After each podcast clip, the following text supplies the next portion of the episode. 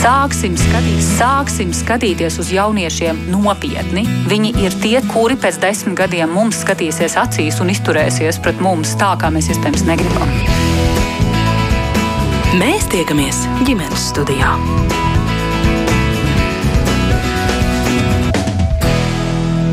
Labdien, klausītāji! Sarunās par īpašo bērnu īpašajām vajadzībām daudz runāts, kā tās nodrošināt, lai viņi varētu augt iespēju robežās varoši ikdienas dzīvē un kas nemaz nav neiespējami arī laimīgi. Ik pa laikam risinās sarunas, kā ir būt šādu bērnu vecākiem un kā viņiem neizdegt un turpināt dzīvot arī savu dzīvi. Bet reti tiek vēstīts, kā jūtas īpašā bērna brālis vai māsa un kā viņiem neiestikt bēdās vai nesaprašanā, bet būt saprotošiem un atbalstošiem. Kā īsti ir būt īpašo bērnu brālim vai māsai, par to šodien runāsim. Rādījuma producents Armīta Kolāte, man sauc Mārits Noteņa un ģimenes studijas viesi šodien. Rīgas Stradeņa Universitātes psihosomatikas un psihoterapijas klīnikas ārste rezidente psihoterapijā un psihosomatiskajā medicīnā Lelde Smilte Breča. Labdien! Labdien! Labdien arī piedrības Rīgas pilsētas rūpju bērns valdes priekšsādātājam Mārim Grāvim. Labdien! Māri uzreiz jautāšu, jūs šeit esat ne tikai kā rūpju bērns priekšsādātājs, arī kā um, brālis Kā jaunākais- māsai. kā jā- kā jaunākais kā brālis. jaunākais brālis vecākai māsai. Vecākai māsai. Varat kaut ko mazliet pastāstīt jau šajā brīdī par savu māsu? Mana māsa ir 13 gadus vecāka par mani. Viņai ir kopš dzimšanas intelektuālās attīstības traucējumi. Tā rezultātā nu, ir, nu, šajā kontekstā, šajā, šīs, šī raidījuma kontekstā, jā, es esmu kā, vairāk nevis kā, kā biedrības vadītājs, bet kā brālis, lai dalītos ar, ar, ar iespējams kaut kādiem foršiem un, un grūtākiem brīžiem ikdienā, kad tu dzīvo ģimenē, kurā ir kāds nu, brālis vai māsa ar, ar invaliditāti. Jā, es ceru, ka dalīsies šādā stāstā arī uzņēmējs Oskars Bāliņš. Labdien! Labdien, jā, tātad brālis Robertam Reingoldam. Varbūt kāds, kurš, piemēram, skatījies koncertu, nāca līdzās, kurš parasti pirms Ziemassvētkiem. Jā, jā, Jūsu Rob- brālis tur taču arī Jā, vai ne? viņš piedalījās. Zied, Jā, piedalās. jā š, pagājušajā gadā arī, ja nemaldos, 17. decembrī mēs bijām Toņkalnu baznīcā uz šo koncertu. Un, jā, Roberts ir ļoti gaišs, atvērts un mīlēts. Mīlēts bērns, jā, viņš arī ir ar intelektuāliem attīstības traucējumiem piedzima. Un, jā, un es nevienu brīdi neesmu nožēlojis, kad manā bērnībā ir bijis Roberts. Jā, es esmu tik ļoti laimīgs par to.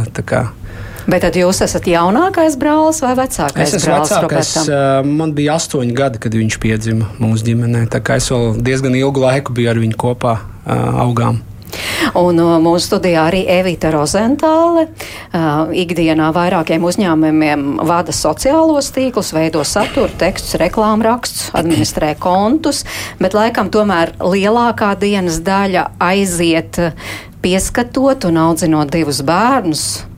Tātad Elīzu un Miķeli. Jā, Par saviem bērniem, Jā. lūdzu. Jā. Miķelis ir bērns ar īpašām Jā, vajadzībām. ā, Miķelim ir šobrīd septiņi gadi, un viņam ir bērns cerebrālā trieka un epilepsija. Un viņš ir bērns, kas pat, nu, pamatā 24 stundas, die, stundas dienā ir nepieciešama aprūpe un pieskatīšana. Un Nelīziņai ir ā, seši gadi, un viņa ir māsa, viņiem ir ļoti maza gadu starpība, un tad viņa tā ikdiena pamatā ir ļoti daudz kopā. Nu, gan arī kādu viņu Jā, pāris. viņa arī šobrīd ir viena lieluma, gan izskatās tiešām kā viņa nezinātāja, noteikti nezinātu, kad viņa ir ar gadu starpību. Nu, tad sākam tiešām, kā jūtas eh, šī īpašā bērna brālis vai māsa, bet sākam to ar stāstu. Eh, Šis stāsts tapa pirms raidījuma, un to stāsta Helēna Pole. Viņas 13-gadīgajam brālim ir smagi autiskā spektra traucējumi, un Helēna ir 9 gadus vecāka par brāli. Viņa stāsta, cik ilgs laiks bija vajadzīgs, lai pieņemtu brāļa diagnozi, un kāpēc tagad Helēna saka, man ar brāli ir siltas attiecības. Klausāmies! Nu, man daudziem vienaudžiem bija jaunākie māsas un brāļi. Viņi stāstīja dažādus kuriozus, ko tur mazais brālis vai māsa ir pateicis, izdarījis. Un es tā kā sāku saprast, ka mans brālis tā vēl īsti nedara, vai viņš dara kaut ko pilnīgi savādāku. Un, um, tās pirmās pazīmes bija tas, ka viņš uh, nerunāja varbūt tik ātri. Viņam bija histēriskās lēkmes, ja tā var nosaukt, kad viņš spiež ausis ciet, viņš bļauj, viņam nepatīk kaut kas, viņš skrien prom. Nu, tādas, kas parastajā vecumā bērniem tādas neparādās. Un to īsti nevarēja nekādīgi izskaidrot, kamēr mēs nesākām. Nu, vecāki nesāk meklēt palīdzību. Ja es tā caur savu prizmu, tad man bija 9 gadi, kad viņš piedzima. Un, kad viņam uzstādīja diagnozi, tad, ja nešaubos, man bija nu, jau kādi 11, 12 gadi. Tā diagnozes uzstādīšana varbūt arī bija tāpēc tik ilga, ka vecāki paši negrib iet un baigi dziļi rakāties. Jo tas tomēr ir grūti pieņemams fakts, ka tev bērnam ir tāda diagnoze. Varbūt es uzreiz tā neuzliku zīmogu, ka oh, prats, tas ir uz mūžu. Jo tas tā bailīgi iedomāties, tas ir uz mūžu. Bet es tā palēnām un arvien vairāk mācoties par to autismu, un arī brālim pieaugot, viņš tā kā attīstās un viņš uh, attīstās savā tempā. Un iepazīstot uh, citus bērnus ar autismu, tad kaut kā sanāca to pieņemt diezgan ātri. Nu, es nezinu, ja man jāuzliek tāds tā kā laika sprīdis, tad varbūt gads. Tas bija arī tas pats vecums, kad man bija nu, 12, 13 gadi. Es varēju brāli jau nu, vest, piemēram, no bērnu dārza mājās, nu, vai pieskatīt viņu. Un tad es atceros, ka tas laikam tas grūtāk, nu, ja var teikt, grūtākais bija tas, ka, piemēram, apkārtējie nesaprot autismu. Un es tagad, kā maza meitene, tīnis, vedu brāli trolēbusā no bērnu dārza viņam kaut kas neiepatīkas, un viņam sākās šī histērija, viņš sāks piestāvusis ciet, kliegt, un tad uh, kāda tante tur dusmīgi paskatās un, un aizrāda viņam, ka viņš nemāk uzvesties, nezinot, kas viņam ir vainas. Man tādas dusmas, un tā kā gribās viņu aizstāvēt, es īsti nezinu, kā. Es pati nezinu, kā es tajā vecumā vēl aizstāvētu sevi, kur nu vēl tā kā brāli. Un tad tie bija tādi grūtākie momenti. Bet tas pārējais bija, varētu teikt, pat tāds nu, patīkams, kad uh, tu redzi, kā brālis attīstās, kā viņš iemācās kaut ko jaunu, ka viņš iekļūst vidē, kur viņam ir labi. Tad, nu tā, tā kā tie labie brīži atspēlēja tos sliktos. Mums ir arī vecākā māsa, kas ir divus gadus vecāka par mani. Tad mēs māsas bijām tā kā divi tā, un es ļoti gribēju mazo brāli, viņu ļoti gaidīju. un tad arī, tad, kad nu, atklājās šie autiskā spektra traucējumi, tad es sev neliedzu izbaudīt visas tās lietas, ko es būtu darījusi ar savu mazo brāli, ja viņam arī nebūtu tie traucējumi. Es viņu varu pakaitināt, iemācīt viņam kaut kādas muļķības, kaut ko pamācīt. Mēs ejam kopā uz kino, mēs zīmējam, krāsojam skatāmies mūtenes, nu, tādas lietas, ko es darītu jebkurā gadījumā ar brāli. Es nesen dzirdēju tādu terminu stikla bērns, kas ir tieši par uh, bērnu ar īpašām vajadzībām, brāļiem un māsām. Stikla bērns nu, tādā nozīmē, ka tu esi tas brālis vai māsa tādam bērnam, tu esi no stikla, jo to vecāki redz cauri. Tad, kad es kā, dzirdēju to terminu, tad arī varēju saprast, ka tas termins par laimi neatiecās uz mani, bet noteikti ir bērni, kas tā jūtās. Ir īpaši, ja brālis vai māsa ar īpašām vajadzībām ir vecāks nu, gados. Man varbūt tas bija mazais brālis, līdz ar to nebija tā, ka es izjūtu tādu sirds sāpju, ka man nepievērst vecāku uzmanību. Viņi mācīja sadalīt to laiku, kad eh, mēs esam visi pieci kopā, kad mēs kaut kur izbraucam. Viņi tā kā neļāva tai eh, brāļa diagnozei. Nu, Iejaukties tādā ritmā. Nu, mēs turpinājām braukt ciemos, turpinājām tur braukt uz jūru. Nu, tādas ģimenes lietas, ko mēs darījām arī pirms tam. Un, manuprāt, tāpēc mums tā ir uzmanība nepietrūka. Plus mēs arī visi četri kopā mācījāmies par to, kas ir tas autisms un kā brālim viņš izpaužās. Arī tas, man liekas, tajā laikā ļoti satvināja. Un, un līdz ar to mēs, mēs pievērsām brālim uzmanību paralēli arī viens otram. Nu, ir bijuši tie momenti, īpaši, kad tu redzi, kā ir citās ģimenēs, ka liekas, nu jā, nu varbūt. Šobrīd mēs to nevarēsim izbaudīt, vai paies laiks. Nu, tāds uh, vistīrākais piemērs, piemēram, lidot ar lidmašīnu kaut kur ceļojumā. Nu, kamēr mans brālis bija maziņš, eh, nu, mēs apzinājāmies, ka tas varētu būt ļoti sarežģīti. Mēs nezinājām, kā viņš reaģētu lidmašīnā, un tad mēs eh, tādus garos ceļojumus neplānojām. Kamēr nu, citi, piemēram, tur eh, ar, ar maziem brāļiem, māsām lido šurpu turpu. Nu, tādas mazas nianses, kas tev liek aizdomāties, nu, jā, nu, varbūt nebūs tā, ka mēs nekad to nevarēsim darīt, bet mums būs jāpieiet lielākam laikam. Un tad pagājušajā pavasarī mans brālis arī pirmo reizi lidoja ar lidmašīnu, viņam viss patika. Ja man nebūtu brālis, kuram ir šādi traucējumi, es nezinātu par autismu tik daudz, cik es zinu šobrīd. Tas ne tikai man ir ietekmējis arī manus, piemēram, draugus tuvākos, jo tad es tālāk viņus izglītoju, viņi, viņi iepazīstas ar manu brāli. Mani draugi ļoti pieņēma to, ka manai draudzenei ir tāds brālis un ka viņiem ir pilnīgi foršas, siltas attiecības.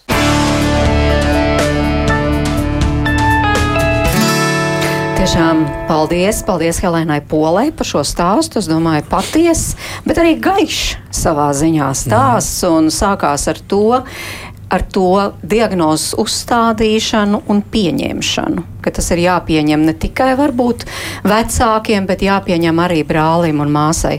Es tagad skatos uz Oskaru. Jūs Jā. teicāt, eh, jums jau bija tomēr jau Astoņi gadi. Astoņi, astoņi, astoņi gadi, jā. jā, es uh, saprotu, ko jūs gribat jautāt. Es um, īstenībā tajā laikā tā īsti nesapratu to, kas notiek. Nu, tie astoņi gadi arī nav tas vecums, lai tu sāktu. Uh, jā, es sapratu, ka Roberts ir savādāks, ka viņam ir um, kā, kustības traucējumi arī nestoties uz vēl arī tām, kas viņam mentālā rakstura tās uh, problēmas, jau sapratu, kas ir. Bet es toreiz biju pārāk, laikam, nu, vēl bērns, lai saprastu, kas notiek un tam līdzīgi. Jā.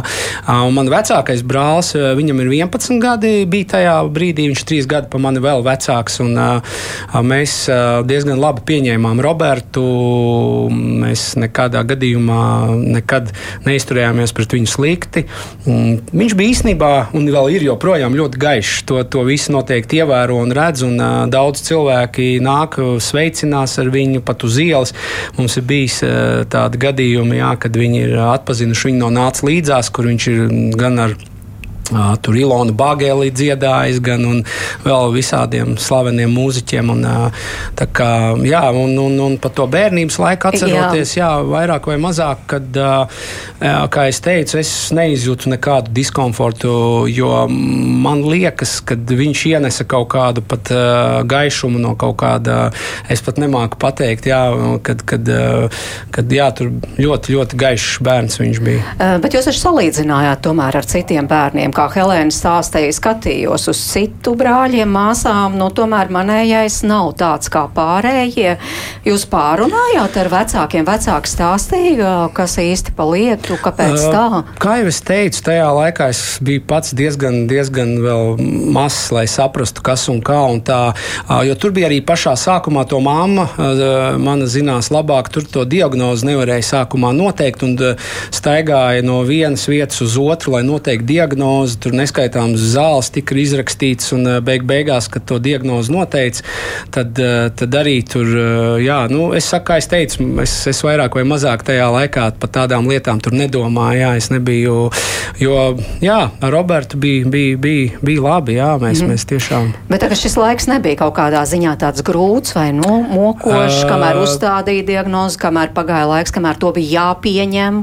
Es domāju, ka mammai un, un uh, Roberta tētim noteikti tas bija ļoti grūts laiks, jā, un tur pa slimnīcām viņi dzīvojās. Un, uh, bija tāda sajūta, jā, kad, kad mamma ir, uh, nebija priecīga ilgu laiku, un arī tētis uh, Roberts. Un, uh, un bija, tāda, tāda, bija tāda sajūta, jā, ka kaut kas tur teiksim, iet uz nu, tā, ka nav pārāk viss tā kā mm -hmm. pozitīvi. Evīt, jūs to klausāties kā mamma, mm -hmm. kura tagad ir tajā. Nu, miedarbībā ar saviem bērniem, kuriem ir jāstāsta, jāskaidro. Jā, mm. Elīzai, pirmie jautājumi par to, par Miķeli uh, parādījās, man liekas, momentā, kad viņi jau mācīja pateikt to, ko viņi grib pajautāt, kad tie bija kaut kādi trīs, trīs pus gadi. Un tie pirmie jautājumi tādi arī bija, māma, kāpēc Miķels nestaigā, māma, kāpēc viņš nesēž, vai kāpēc viņš nav tāds, kā, kāpēc viņš nevar to, ko es, vai kāpēc viņš nevar atnākt tur. Un, uh, tas, ko es darīju, es izmantoju rīkus, ko man bija iedavusi mana psihoterapeite, bija stāstīt bērnam to, kā ir. Un es viņai arī teicu, meitiņam, brālim, smadzenēs ir bojājumi, kuru dēļ viņš nevar izdarīt tās lietas, ko tu vari. Un, uh, viņš ir savādāks, viņš vienkārši ir citādāks un būs lietas, ko viņš varēs izdarīt un ko nē. Un tad rodas, ja protams, bērnam jautājumi, kad tas būs, kad viņš staigās, kad mēs varēsim kopā spēlēt bumbu. Un, es, un arī tad ir jābūt tai pacietībai tam bērnam pateikt, uh, es nezinu Iespējams, varbūt nākotnē viņš to varēs, ja viņš kārtīgi vingros un ies uz fizioterapiju, bet varbūt viņš to nevarēs. Mēs to nevaram paredzēt. Un es uzskatu, ka tas mans mērķis ir ar Elīzu runāt kā ar vienlīdzīgu un teikt viņai, kā ir. Nestāstīt pasakas un puspatiesības un teikt, kā ir. Un viņa arī to pieņem, jo viņa ir tā, kas arī tālāk to stāsta citiem. Jo viņai dārziņā tiešām bērni nāk līdzīgi, kā stāstā bija, ka draugi prasa, kāpēc to brālis ne, nu, nestaigā, kāpēc viņš sēž ratiņos, viņš taču ir lielāks. Un viņa arī stāsta to, ko es viņai esmu nodevusi. Un, un Bet tāpēc... ir kāds arī emocijas turklāt, kad Elīze stāsta, vai kad jūs viņai stāstāt, piemēram? Elīze pati par sevi ir ļoti jūtīga, un es redzu, ka viņa, protams, tas ļoti emocionāli ietekmē. Viņai ir sāpīgi tas, ka brālim. Uh, tur, piemēram, ir epilepsijas lēkmes. Viņa jautā, kāpēc viņam tā ir, vai viņam sāp. Un var redzēt, ka viņai iekšā ir tā, viņa varbūt tā, tā kā nesaka, ka nu, viņa tur tā ļoti uztraucās par to, bet var redzēt, ka viņu tas emocionāli, protams, ietekmē. Bet, um, Tad, kad viņa runā liekas, ar citiem, viņai nav liekas, tā, tā ļoti emocionālais background, lai viņa tā ļoti sāpīgi to uztvertu. Bet, nu, protams, ka ietekme ir. Mārija, jūs varētu paturpināt par tām emocijām, varbūt atceroties sev bērnībā.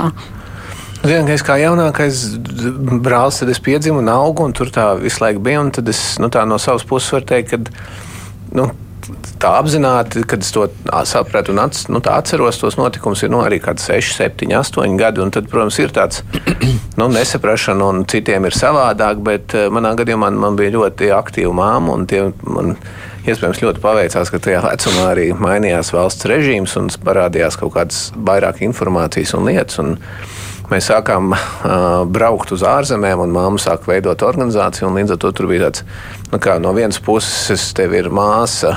Ar, ar, ar, ar invaliditāti, bet no otras puses, tāpēc, ka tev ir māsa ar invaliditāti, tu iet uz Zviedriju vai tu tur aizbraukt uz Vāciju, tur ar citiem tu satiecies, un arī diezgan ātri nu, tā sabiedrība, kas, kas, kas šajās ārzemju valstīs bija, un ka tu redzi, ka tur ir cilvēki, un kad, kad, kad tur ir brāļi un māsas, un viss, un viss ir nu, tā normāli un viss kārtībā, drusku mainīja arī man personīgo nu, attieksmi un pieņemšanu, bet viennozīmīgi jau, nu, ka tu audz. Ļoti daudz ko nosaka tā draugu un vide, kurā tu esi. esi līdz ar to es domāju, ka tur man ļoti daudz jāpasakās paldies saviem draugiem, kas, kas, kas ir. Jo nu, viņi to pieņēma, un mēs nekad par to tā neesam to tā, nu, kaut kā. Tas nav bijis vispār tāds jautājums, nu, vai, vai, vai kaut kādas kaut kāda jau, nu, citas lietas. Tad, bet, protams, vienmēr nu, to augot, sev uzdod jautājumu, nu, kāpēc, nu, kāpēc šādi, kāpēc man kāpēc nu, notiek tā vai savādāk. Un plus vēl tas nu, stereotips, ka citās ģimenēs viss ir perfekti. Jā, nu, tur 90. vai pirms tam vēl bija nu, tāds valstisks, komunistisks uzstādījums, ka ir tāds standartiņš, kā ģimenei jādzīvo un jāaug. Nu, pēc tam tur savādāk uzskata, nu, tagad nezinu. Jā, in, visādi sociālie tīkli, Facebook un vispārējais pasaka, kas ir normāli un vidē. Un līdz ar to es domāju, šobrīd varbūt tās pat tādiem brāļiem un māsām varētu būt no vienas puses daudz vairāk informācijas un pieejamas nu, saprašanas par ko. Kas ir kas, kas ir cerebrālā trieka, kas ir autisms, kas ir nezinu, vienkārši intelektuālās attīstības traucējumi, bet no otras puses ir visu katru dienu miljonus mm. bildīšu, kur pārējās ģimenes fotografējās laimīgā, la, laimīgos kadros, un tev liekas, nu, kā, kāpēc man tā nevar būt. Nu, redzēvīt, piemēram, savu ģimeni arī fotografē un liekas sociālajos tīklos, un tās bildītes arī ir laimīgas. Un tomēr, Evīt, jūs lietojat šo tēmturi ģimene ar īpašām vajadzībām vai īpašu vajadzību ģimene. Tātad ne tikai bērns, bet faktiski tā ir sistēma es ģimene, domāju, kura notiek, tajā ir iekšā. Es domāju, ka invaliditāte ietekmē ne tikai to bērnu vai tikai to mammu, kas par viņu rūpējās. Tas ir ne tikai arī mūsu ģimene, tie ir mūsu vecāki, mūsu pārējie radinieki, tāpēc, ka visi, ar ko mēs mēs kopā dzīvojam. Man liekas, to vis, visus tas ietekmē. Un, un es neuzskatu, ka tas, ka mēs esam ģimene ar īpašām vajadzībām, ka tas ir kaut kas slikts. Es vienkārši mans mērķis ir. Uh, parādīt to, ka arī tādas ģimenes ir un ka tas ir normāli. Normalizēt to faktu, ka šāds bērns var būt arī brālis, brālis piemēram, ja, vai māsa, un ka tas var būt ok, un ar to var dzīvot. Man bērniem ir ļoti labas attiecības, un es domāju, ka mēs, mums ir tik labs piemērs, ka tas ir jārāda. Un, jā, nu, lai arī iedrošinātu varbūt citas ģimenes, varbūt otram bērnam ko, kas tur uztraucās un negrib, eh, nevar saņemties tam tieši tā iemesla dēļ, ka viens bērniņš ir ar īpašām vajadzībām. Nu, tā kā iedot to normālumu sajūtu. Izklausās ļoti mīļi un ļoti skaisti tas, ko mēs studijā runājam, bet es vēršos pie ārstes rezidents psihoterapijā Leldes Smiltas Brenčas klausoties, vai tas arī dzīvē vienmēr tā ir? Vai vienmēr tiešām tas īpašais bērns ir jauks un smaidīgs un laimīgs, viegli aprūpējams? Tas būtu un, utopijā. Tas dzīvot. būtu utopijā, vai ne? Jo man šeit tas, kas izskanēja jau pašā sākumā, mēs nevaram izdalīt atsevišķu īpašo bērnu. Īpašais bērns tā ir ģimene, tā ir sabiedrība, tie ir ne tikai Evits minētie ģimenes un, un vecāki, bet tie ir draugu loki. Ir, mēs esam visi saistīti. Tie esam mēs, kas ir sabiedrības locekļi. Un, un īpašā bērnu ģimene tas nenozīmē runāt par taurenīšiem pavasarī. Tās ir ne tikai prieks, bet tās ir arī skumjas, bēdas, vilšanās, izmisums, mainas izjūta, kauns ļoti spēcīgas jūtas, ka mēs runājam par plašu spektru jūtām, emocijām, pat stāstos, ko mēs šodien jau esam dzirdējuši, kad sākot no ļoti liels mīlestības sajūtas un laimes par to, ka ir, mēs esam tajā sabiedrībā ar mūsu ģimenēm, ar brāļiem, māsām, bērniem.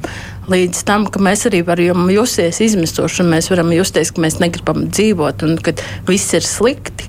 Mēs nevaram atdalīt, un tas, ko Evita arī parāda savos stāstos, ka Jā, ir ikdiena, kur brālis un māsa var priecīgi pavadīt laiku, bet arī ir grūtie brīži, kad rūpējoties par bērnu ar funkcionāliem traucējumiem, arī pārējie bērni savā veidā cieš, jo tas prasa vecāku uzmanību, tas prasa um, struktūras maiņas. Uh, ļoti būtisks aspekts ir arī jautājums, kurā brīdī tad piedzims bērns ģimenē ar funkcionāliem traucējumiem, un, un vai šie funkcionālie traucējumi varbūt rodas dzīves laikā, kad ir bijis vesels brālis vai māsa, un pēkšņi mēs to zaudējam. Tad, kā mēs tiekam galā ar šīm krīzēm, jo visas šīs situācijas skar krīzes, un mēs ģimeni, ja tā var teikt, ģimene ir kā rokas roka ar pieciem pirkstiem, un mēs tik līdz viens no pirkstiņiem nestrādā, mums pārējiem jāstrādā vairāk, tas ietekmē mūs, un mēs nevaram atšķelt tikai īpašo bērnu no pārējiem. Arī katrs, tas, ko jūs sākumā minējāt, vai tas kaut kā skar, tas ļoti skar. Tas jūtas un reakcijas un ģimenes situācijas, kaut vai aizbraukt ceļojumā, ko pirmajā stāstā min.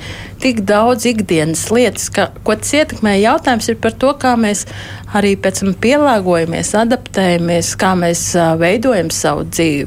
Ja tā simboliski varam teikt, ja mēs plānojam braukt uz uh, Franciju, uz Parīzi un mēs nonākam piemēram, Viļņā, tad uh, mums ir jāpārstruktūrizē tas, ko mēs esam plānojuši, nemainot to, ka mēs arī priecājamies par dzīvi un baudam, un arī šīs ģimenes ar īpašiem bērniem. Uh, jautājums, kas ir šī apkārtne, kā, kā mēs varam palīdzēt un atbalstīt un mm -hmm. saprast, un arī mazināt stigmatizāciju, ko mm. Mārcis min.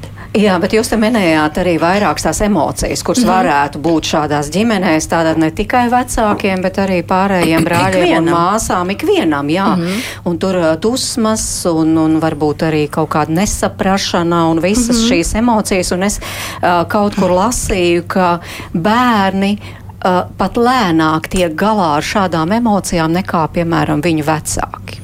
Es nezinu, vai tas atbalst, atbilst patiesībai. Gribu jums to lielākoties pajautāt. bērnam attīstoties, bērns piedzimstot, viņš rodas ar savām jūtām, reakcijām, un vecāks ir tas, kas iedod vārdu tam.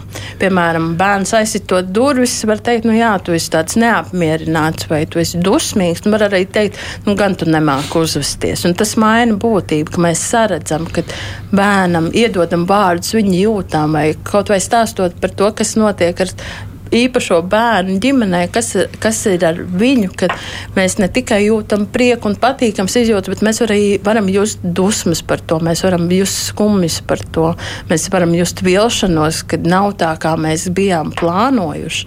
Un ir vieta visa spektra jūtām.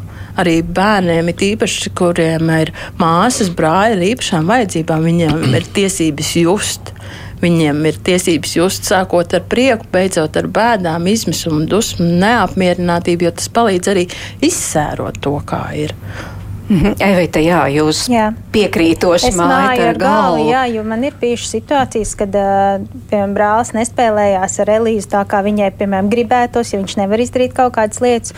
Un tad viņa nāk un man saka, es negribu vairs ar Miķeli spēlēties, es esmu dusmīga uz viņu, un es viņai saku, tev ir visas tiesības, tā jūs ties, es to saprotu, tu vari paņemt pauzi, brālis padarīs kaut ko citu, tu padari citu dot viņai to sajūtu, ka uh, ir ok just to, ko tu jūti, un ir ok, ja tu jūti arī, piemēram, ka tev nepatīk, kā brālis, piemēram, Miķelim mēdz būt, ka viņš tagad nevar dabūt to, ko viņš grib. Viņš nevar pateikt, viņš kliedz, piemēram, vai skaļi saka, un Elīze aizspiež ausis un saka, man nepatīk, ka brālis kliedz, un es viņai saku, mētiņas, tev saprotu, varbūt aiziet uz blakus istabu, kamēr brālis nomierinās, un tu vienkārši viņai iedod ceļu, ka problēma ir nevis viņā, ka viņai tas traucē vai rada kaut kādas nepatīkamas sajūtas, bet ka tas ir normāli, ka mēs visi tā jūtamies, kad es validēju viņas jūtas un arī to Miķeļa pieredzi, ko viņš sajūt. Un, man liekas, ta, tas ir tas, ko tā loma arī vecākam tajā posmā, ka bērns jau pats to nespēja izdarīt, ir, viņam ir jāpalīdz to saprast un nosaukt, kā Leo teica, vārdos, kas ir tas, ko viņš sajūt, un, un palīdzēt viņam varbūt menedžēt to sajūtu.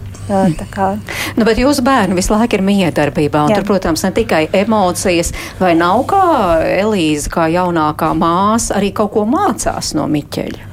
Protams, um, nu, mācās. Es domāju, ka tur ir tiešām iedarbība. Viņi abi mācās. Tas, kas man ļoti spilgti, ir, um, kā mēs noteikti par to uzmanību jau nedaudz pieskaramies, kad uh, tā uzmanība man ļoti daudz aiziet Miķelim, jo viņam ir nepieciešama palīdzība praktiski jebkurā lietā, ko viņš dara. Un tad ir momenti, kad Elīze saka, mammu, es gribu, lai tu mani arī uznes uz otro stāvu. Un tad es viņu ceļu rokās un nesu uz otro stāvu, tāpat, es brāli arī tā nesu. Un viņa saka, mamma, es gribu, lai tu mani saģērbi. Un es viņu saģērbju. Ne jau tāpēc, ka viņa to nevarētu izdarīt, tāpēc, ka viņa redz, ka es brāli mīlu tādā veidā, viņu saģērbjot, pabarojot, uznesot, eh, nomazgājot viņam rokas. Viņa grib arī šo mīlestību saņemt tādā pašā veidā, un viņa skatās, kā brālis, piemēram, pieprasa kaut kādas lietas, un tad es redzu, ka viņa arī izmanto tos pašus diedziņus, lai dabūtu to uzmanību arī sev, un es viņai to dodu, lai viņa justos nu, vienlīdzīgi ar, ar brāli un arī saņemtu to savu devumu mīlestības. Bet viņi, protams, mācās viens no otra. Tas ir ne, neizbēgami. Es gribu atgādināt klausītājiem, tātad šodien runājam ģimenes studijā par īpašo bērnu brāļiem un māsām, kā ir tādiem būt un kā vecākiem rīkoties un kā, tad, kā vispār nu, dzīvo šīs īpašo vajadzību ģimenes. Varbūt kāda no šādām ģimenēm mūs klausās, tiešām laipni aicināt iesaistīties mūsu sarunā, jo pie mums ir ārste rezidente psihoterapijā un psihosomatiskajā medicīnā Lelde Smilte Breča, biedrības Rīgas pilsētas rūpju bērns valdes priekšādātājs Māris Grāvis, uzņēmējs Oskars Bāliņš un arī tātad Evita Rozentāle, kas ir mamma diviem bērniem. Vienam ir īpašas vajadzības, bet arī pārējiem viesiem, mūsu viesiem, ir, ir šī pieredze.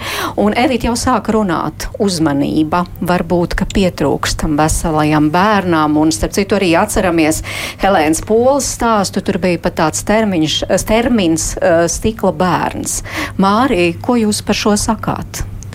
Es nezinu, es augu, nu, man bija viena vecāka ģimenē, kur bija tikai māma, bija skarbie 90. Līdz ar to viņai pietrūka uzmanības laika abiem bērniem, un man bija jāuzņemās nu, vairāk rūpes par, par, par, par māsu. Es nekad nu, neizjūtu, ka māma kaut kā vairāk. Nu, kā, nu, pievērst uzmanību, vai rūpētos, vai, vai nu, darītu. Nu, mūsu ģimenē bija tas teiciens, nu, kad uh, lielajiem uh, vairāk gribās, mazajiem vairāk vajag, un kaut kā nu, vienmēr mēs visi dalījām mūsu godīgi. Un, un tā es nevarētu teikt, ka es, piemēram, nejūtu mīlestību vai nejūtu uzmanību. Protams, kad kaut kādos apstākļos un kaut kādos brīžos. Nu, vienkārši loģiski, kad, kad, kad, kad varbūt tas arī tieši tas, ka māsa bija lielāka un es mazāks, nu, tas kaut kādā veidā kompensēja to to mhm. uzmanības daudzumu. Bet, bet... Nu, tomēr kaut vai tīri teorētiski, nu, tomēr mammai bija taču jāvelta vairāk laika māsai. Jāved pie speciālistiem, parasti tas ir arī dažādas uh, procedūras, ārstu apmeklējumi. Jā, nu, zin, kā, nu, Tu jau kā bērns, tu tā, tu tā, nu, tur mēs, man, man aizved tur uz treniņu, tikmēr pa vidu, kamēr es biju treniņā, viņa izdarīja kaut ko vēl. Nu, tas tāds supermāmu nu, iespējas. Ja nu, katra māma, kas ir, kam ir īpašs bērns, viņa kļūst par supermāmu. Tad, tad viņas ļoti ātri, nu, tā, nu, viņas tiešām spējas sakoriģēt, saplānot un izdarīt visu. Un, un tu pamosties, un jau tur kaut kas jau ir izdarīts, viss tev brokastis ir. Un, nu, tu, tādā ziņā es domāju, ka. Nu, Es kā jaunākais bērns arī iegūstu ļoti daudz lietas, jo māma jau bija 13 gadus trenējusies kā supermāma, tad es biju nu, ļoti labā formā. La, la, nu, pie, nu, un, un, un, tas, tas, tas bija savādāk. Bet es ticu, ka jā, es ļoti, ļoti, ļoti saprotu to, to jautājumu būtību.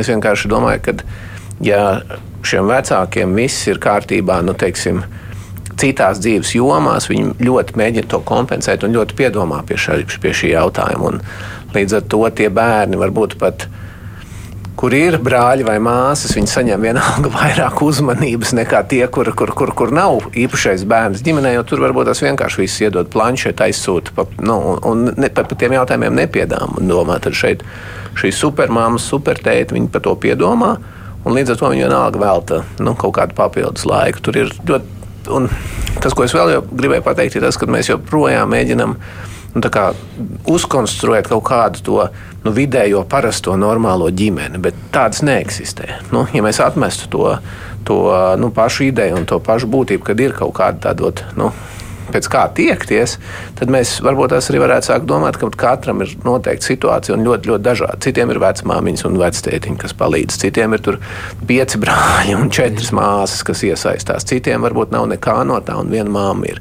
Un tur, protams, ka tās situācijas ļoti, ļoti dažādas. Un tad ir vai divi vecāki vai viens vecāks. No tā arī ir ļoti, ļoti, ļoti daudz kas atkarīgs. Un daudz šie mazie apstākļi, kas, kas, kas izmaina to dzīves situāciju un dzīves realitāti nu, par tūkstoš procentiem. Un, un, un, un, jā, nu, Tā kā, tā kā tur, lai es pateiktu, nu, tā standartā, ot, brālis vai māsa, kuram ir otrs brālis vai māsa ar īpašām vajadzībām saņem mazāk mīlestības, es tam negribētu piekrist. Mm -hmm. Jā, Oskar, jūsu pieredze. Pilnīgi piekrītu. Ļoti daudz, liel, daudz līdzības no tavas stāsta. Jā, kad mums arī pirmkārt jau jāstāsta, ka tas bija dziļie padomu gadi, 83. gads. Sociālie tīkli nav, telefoni nav, nekā nav.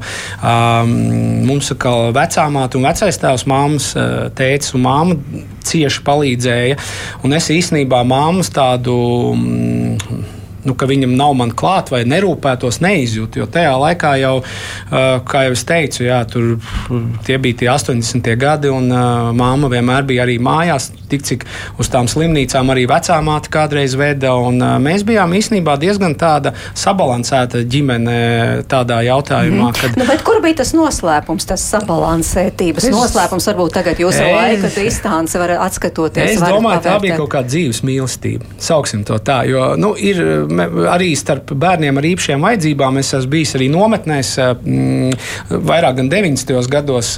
Roberts, es esmu braucis un mēs esam, es esmu palīdzējis tur kaut kādas tur situācijās, un tur bija meitenes, es aizmirsu viņas vārdu, viņai tur nebija nu, ratiņos, un es ar viņu dejoju diskotēkā. Jā, tur man arī tikai 20 plus gadi. Nu, ne diskotēkā, bet tajā vakarā, kur tur ar mūziku. Un, un, un es atceros, tur arī, protams, kad starp tiem bērniem arī ir tādi, ir, ir kas ir tādi ļoti, ļoti gaiši, un ir tādi, kas atkal drusku ir tādi bēdīgāki, grūtsirdīgāki. Es domāju, ka tur arī starp, starp, starp šiem bērniem arī ir tur nevar likt vienādības zīmi. Ja? Un, uh, Roberts mums vienkārši paveicās, jūs par tām dusmām runājāt un par tādām lietām. Kad es būtu palicis dusmīgs uz Robertu, nu, tas nav iespējams. Jo bija tā, ka drīzāk otrādi, ka mēs atnācām dusmīgi no ārienes kaut kur un ieraudzījām Robertu, un viss vienkārši pazuda, paņēma nost visas tās dusmas. Mm -hmm. To varbūt nevar izskaidrot vienkārši tā, to varbūt ar mm, somātikas kaut kādām. Kā jau jūs teicāt, Roberts ir ļoti gaišs. Viņš ir ļoti gaišs, ļoti, jā. gaišs, ļoti pozitīvs. Par šiem gadiem es viņu vēl joprojām, jau, nu, viņam jau ir 40 plus gadi jau, un es viņu neesmu redzējis dusmīgu. Viņš vienmēr ir laimīgs.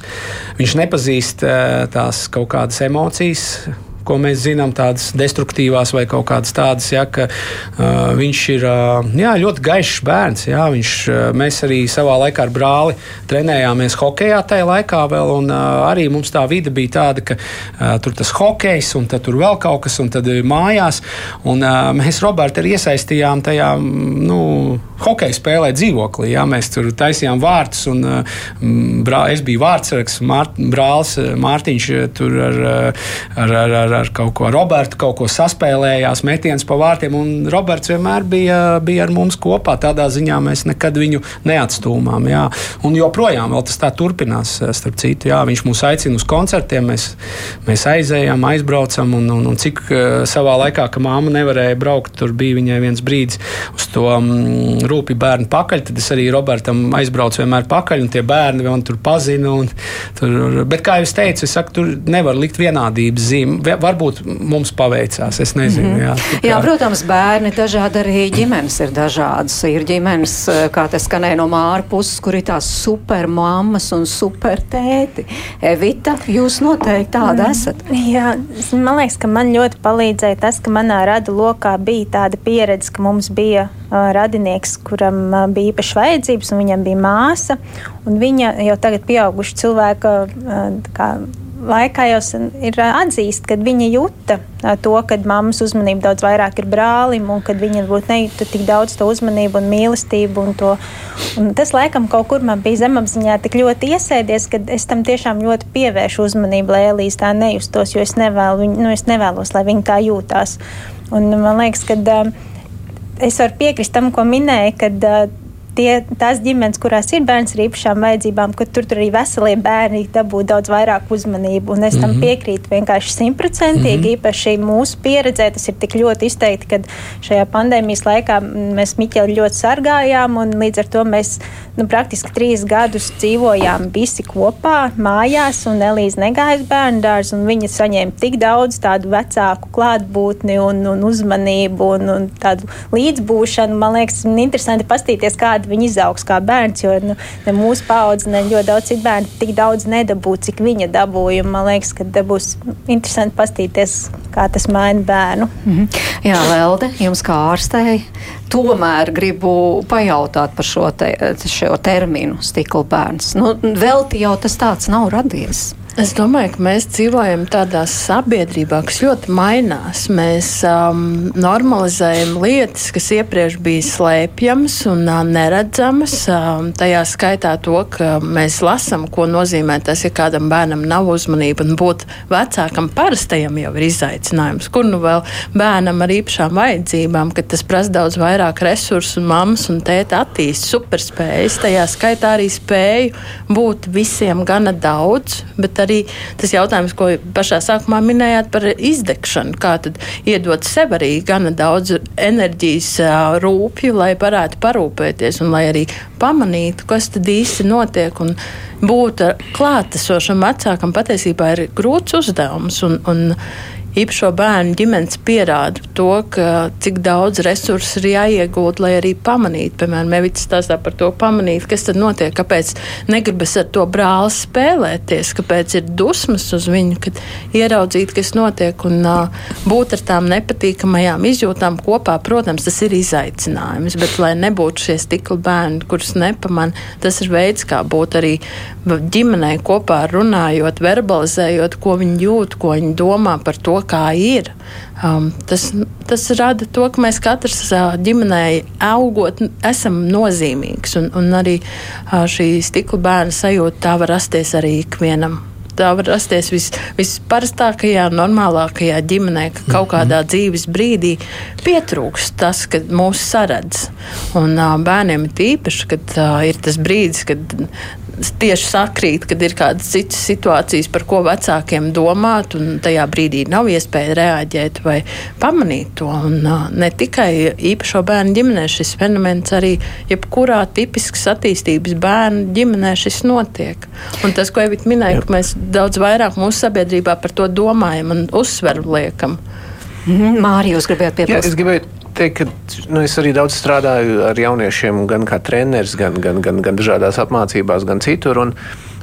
Es gribu uzsvērt to, ka stikla bērns var būt arī brālis vai māsas cilvēkam ar īpašām vajadzībām, bet viņš stikla bērns var būt arī pilnīgi ģimenē, kur nav neviena nu, arī invaliditāte vai kā vispār. Tas ir atkarīgs no vecākiem un no, nu, no audzināšanas metodēm un no tā, ko, kā, kā mēs, ko mēs gribam. Jo, nu, man, tas, mans novērojums ir, ka mums daudz vairāk stiklu bērnu ir tajās ģimenēs, kur it kā nav īpašo bērnu mm -hmm. vispārējā, kur vienkārši vecāki ir aizņemti ar savām vajadzībām, uh, savu nezinu, biznesu, darbu. Uh, seriāliem un, un, un nezinu, TikToku vai vienalga, ko viņi tur skatās. Kad nu, jā, bērni nejūt to mīlestību. Un, un, protams, ka tā, tas pats var būt arī, ja ir kāds īpašais bērns, ka mēs nevaram nu, tā novilkt tādu nu, ka visi vecāki ir brīnišķīgi, vai visi mm -hmm. bērni, kas ir ģimenēs, ir stīkli, ka tur ir. Tas ir atkarīgs vēlreiz, es atkārtošu no tā ģimenes modeļa un no tā, kā mēs uzņemam un, un pieņemam šo, šo, šo jautājumu. Tur var būt ļoti, ļoti, ļoti dažādi divas ceļi un scenāriji. Bet jūs kā treneris tomēr pamanat šos bērnus? Jā, protams. Jūs kaut kā arī īpaši reaģējat, jo mēs tiešām runājām, ka tas nav stāsts tikai par, eh, par bērnu, par ģimeni, tas ir stāsts par plašāku sabiedrību. Ne jau vienmēr tie stāsti ir tik gaiši un priecīgi, kā jūs te stāstāt. Tie Jā. stāsti ir ļoti dažādi. Jā. To jūs paši arī atzināt. Vai jums, piemēram, kā trenerim vai kā pedagogam, pieņemsim, kaut kur skolā būtu kaut kā jāpamana un arī tāda īpaša atbalsts un attieksme jāsniedz šim bērniem? Vai tas vispār ir iespējams? Uh. Nu, nu, šim, šim, šim jautājumam ir nu, vairākas atbildes. Tad pareizi atbild būtu, ir jāpamana un ir kaut kas jādara. Vai vienmēr pietiek laika, uzmanības vai paši jaunieši un bērni viņi, nu, spēj tā atklāt un izstāstīt. Jo nu, katrā veidā mums veidojas savs, nu, savstarpējās miedarbības. Un, nu, piemēram, nu, vienalga skolā viņi grib būt stilīgākie, treniņā spēcīgākie un vispārējais. Un atnākt pateikt trenerim nu, tā, es atvainojos, man tur mājās ir baigi sūdīgi. Nu, neviens ar mani nerunājas, un tā vispārējais tā, tas prasa nu, baigo drosmi. Savukārt no treneru puses vai no pedagoģa puses atkal iet un uzbāzties, vai tev viss labi. Nu, viņš saka, jā, viss labi, viss kārtībā, un tu jūti. Un, tajos brīžos, kur, piemēram, mums pat nu, ir noteikts noteikumos, kā mums ir jārīkojas, ja mēs pamanām vardarbību ģimenē vai, vai kaut kādus nu, emocionālus vardarbības, kā, kur mums ir jāziņo un, un, un, kas jādara. Bet, bet, bet vai ir izstrādāta tāda nu, atbalstoša sistēma, un kas, kas nu, ir nevis represīva, bet atbalstoša, es teiktu, ka nē, kad, kad joprojām ļoti daudz jauniešu, kam ir vajadzīgs atbalsts un palīdzība, viņi nesaņem. Viņam nav veida, kā, kā palūgt šo palīdzību, un, un, un līdz ar to mums veidojās no nu, atkarības mm -hmm. un mhm. citas problēmas. Jā, bet Evita jautāšu jums tomēr kā mammai, un atgriežoties pie īpašo bērnu brāļiem un māsām, viņiem vajadzīgs kāds vēl īpašs atbalsts no sabiedrības puses. Nu, labi, mēs runājam te par pedagogiem.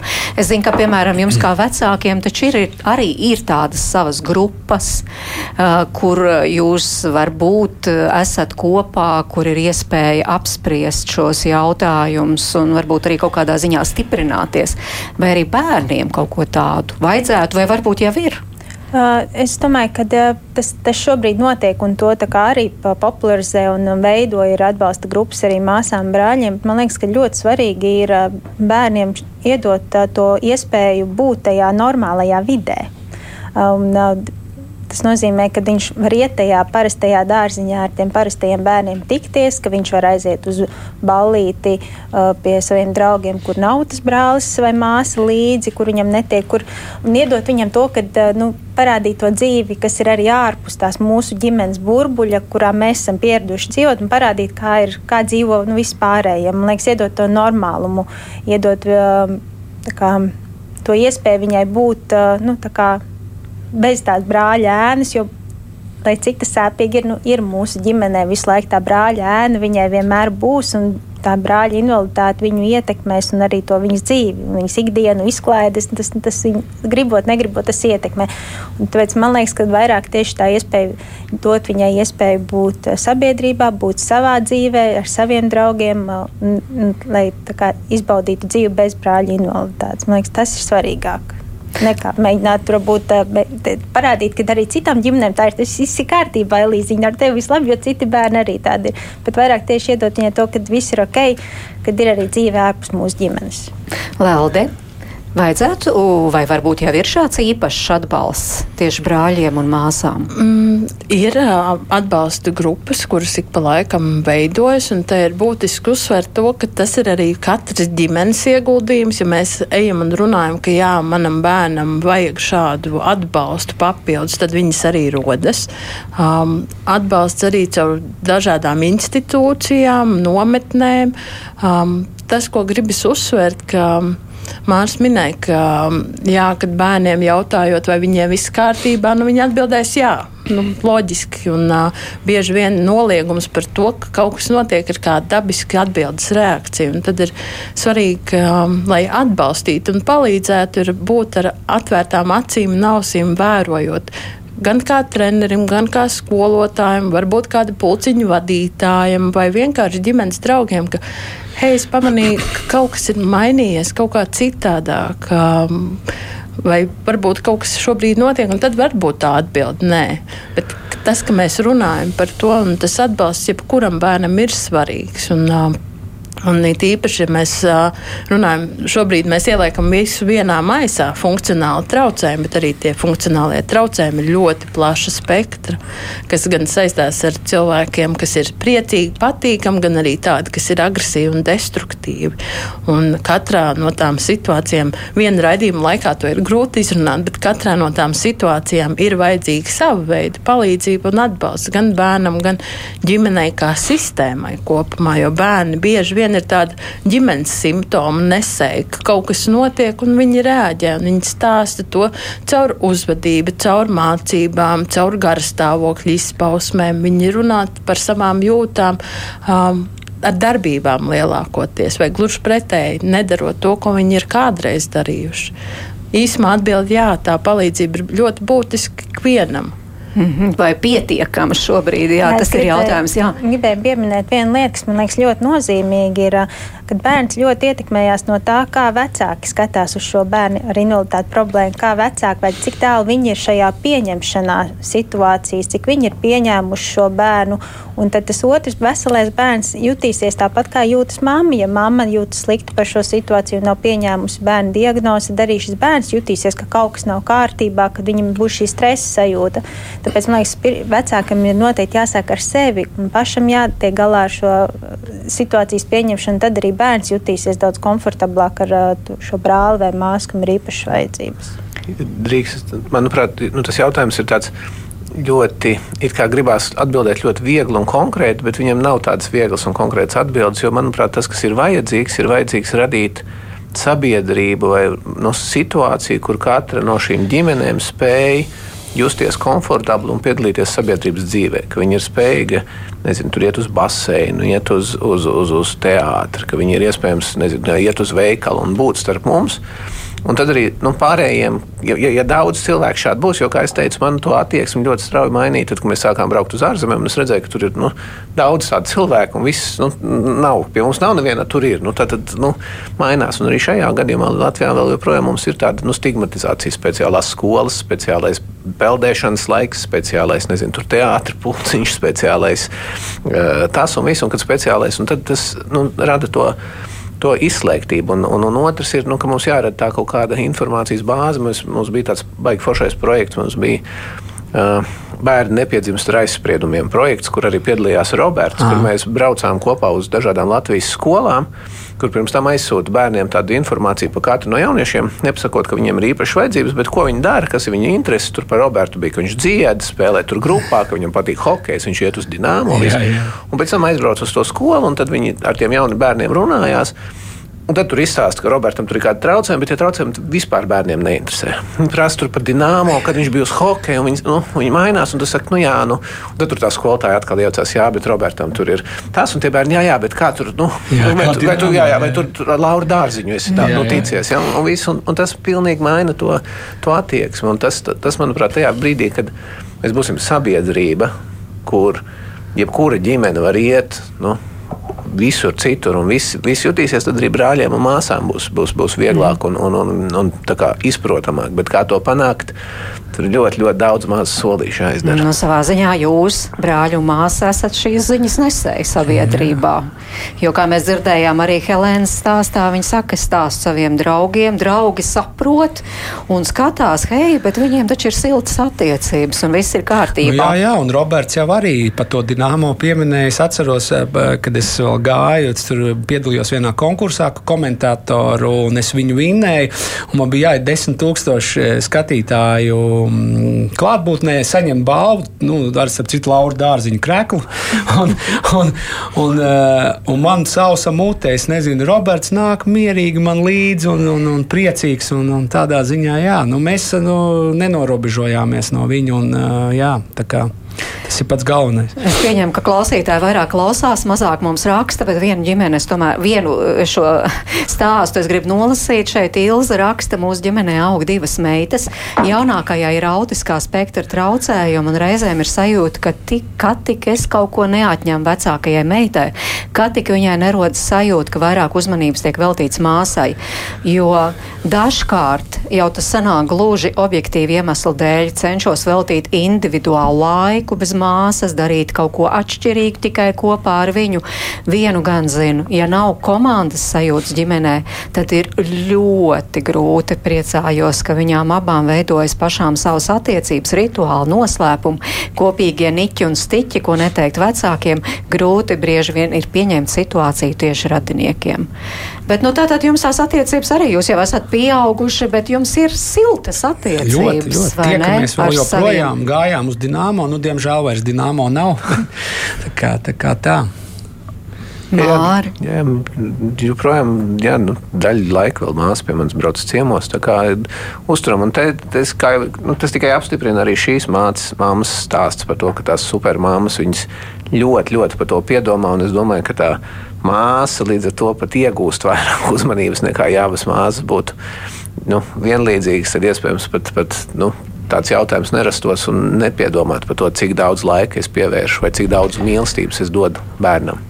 Tā kā savā ziņā var būt vairāk pozitīvā nekā negatīvā šajā protams, stāstā. Protams. Vai šajos stāstos? Evita? Es, jā, gribu vēl vienu lietu par tiem ieguvumiem. Gribētu to labo vienmēr stāstīt. Tas, ko iegūst, man liekas, bērns, kurš aug ģimenē, kur ir īpašo vajadzību bērns, man liekas, lielākais iegums ir tas, ko tas dod viņa personībai. Jo tas, ko es redzu Elīzā, cik ļoti viņa aug empātiska, līdzcietīga, pacietīga, saprotoša, man liekas, ka ja kaut pusi sabiedrības izaugtu ar tādām īpašībām, ko viņa apgūst, dzīvojot kopā ar brāli, es domāju, mums būtu daudz labāka sabiedrība. Viņa daudz šī emocionālā inteliģence būtu daudz augstāka mūsu sabiedrībai, bet es domāju, tie iegūmi noteikti ir ļoti lieli.